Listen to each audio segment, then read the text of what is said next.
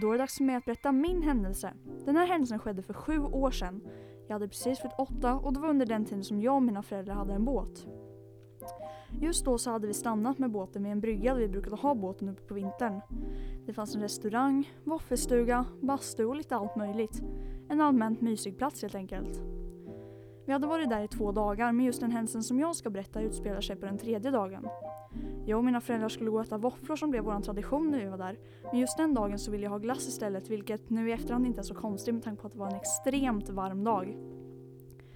När vi hade köpt det vi skulle så gick jag glatt tillbaka med glassen i handen och med ett leende på läpparna.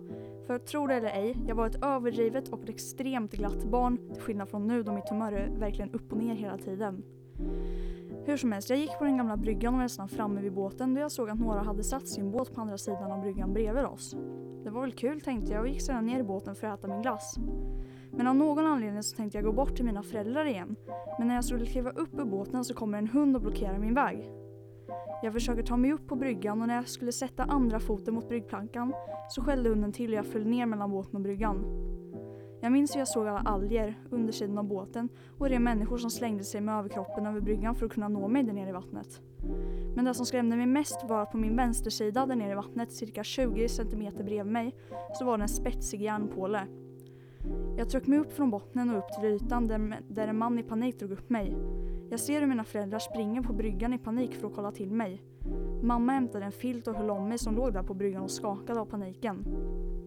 Men efter ett tag lugnade jag mig och min stora fråga var Klarade sig min glass som jag hade köpt innan detta hände? Det var såklart helt blöt och oätbar. Men som tur var så kom hon som jobbade i våffelstugan och gav mig en helt ny. Än idag så fattar jag inte hur jag kom emellan den här jävla båten och bryggan.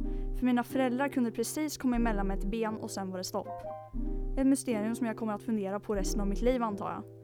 Och jag är fortfarande lättad över att jag inte kom de där extra 20 centimeterna åt vänster.